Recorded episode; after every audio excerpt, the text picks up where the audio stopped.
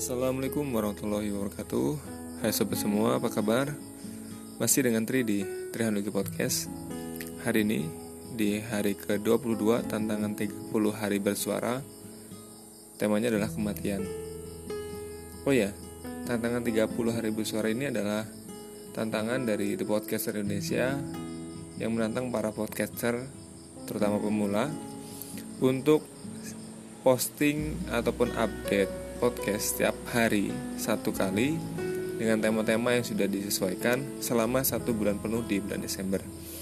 Dan hari ini hari ke-22 dan saya baru merekam malam hari karena pagi sampai siang sore ada beberapa aktivitas.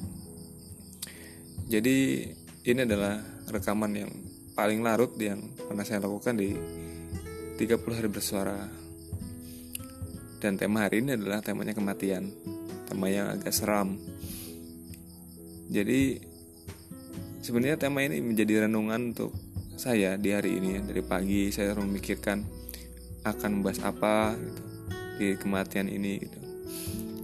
Karena selain selain kita tidak pernah mengalaminya tentu saja tapi kita akan mengalaminya gitu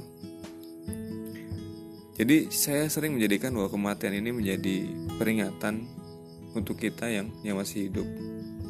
Seperti bekal apa sih yang sudah kita bawa gitu, ataupun kita persiapkan untuk kita bawa ketika kita mati gitu. Atau sejarah apa yang akan kita tinggalkan setelah kita mati. Termasuk podcast ini, saya itu salah satu alasan untuk membuat podcast itu agar suara saya tetap ada ketika saya sudah tiada agar anak cucu kelak itu bisa mendengarkan suara nenek moyangnya gitu. Ya mungkin kita masih hidup hari ini dan besok kita tidak tahu. Ya itulah kenapa kematian itu menjadi ketakutan manusia. Karena semua orang itu pasti akan mati.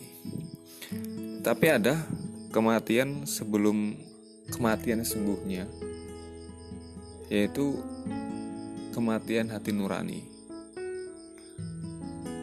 Ini satu yang berbahaya bahwa jika nurani kita mati, kita itu sudah tidak peduli lagi yang mana benar yang mana salah gitu. Sudah nggak peduli lagi melakukan dosa, kejahatan, korupsi, mengambil hak orang lain, dan dan sebagainya lah kejahatan-kejahatan lainnya. Dan kata ulama itu ada 10 penyebab kenapa sih hati nurani kita itu mati. Yang pertama tentu saja kita itu tidak menaati perintah Allah atau Tuhan kita. Tidak menaati perintah agama. Yang kedua, kita itu ada kitab suci yang harus kita baca untuk pedoman hidup, tapi kita tidak tidak amalkan. Hanya kita baca, tidak kita amalkan itu. Yang ketiga, kita mengakui bahwa kita ini memusuhi syaitan tapi malah kita itu masih seperti mereka. Yang sombong ya kan? Tidak mau mengakui kebenaran. Setan itu kan sombong ya? Ketika di hadapan Allah untuk sujud terhadap Adam dia sombong bahwa merasa dirinya diciptakan dari hal yang lebih tinggi dari api sementara Adam dari tanah. Padahal kita tahu harga harga tanah makin mahal dan harga api ya segitu saja gitu Yang keempat, kata ulama, kita ini mengakui nabi, mengakui mencintai nabi, tapi kita tidak meneladaninya. Seperti nabi yang menyayangi anak yatim. Dan kita apakah kita sudah seperti itu gitu? Selanjutnya kita itu manusia itu pasti menginginkan surga.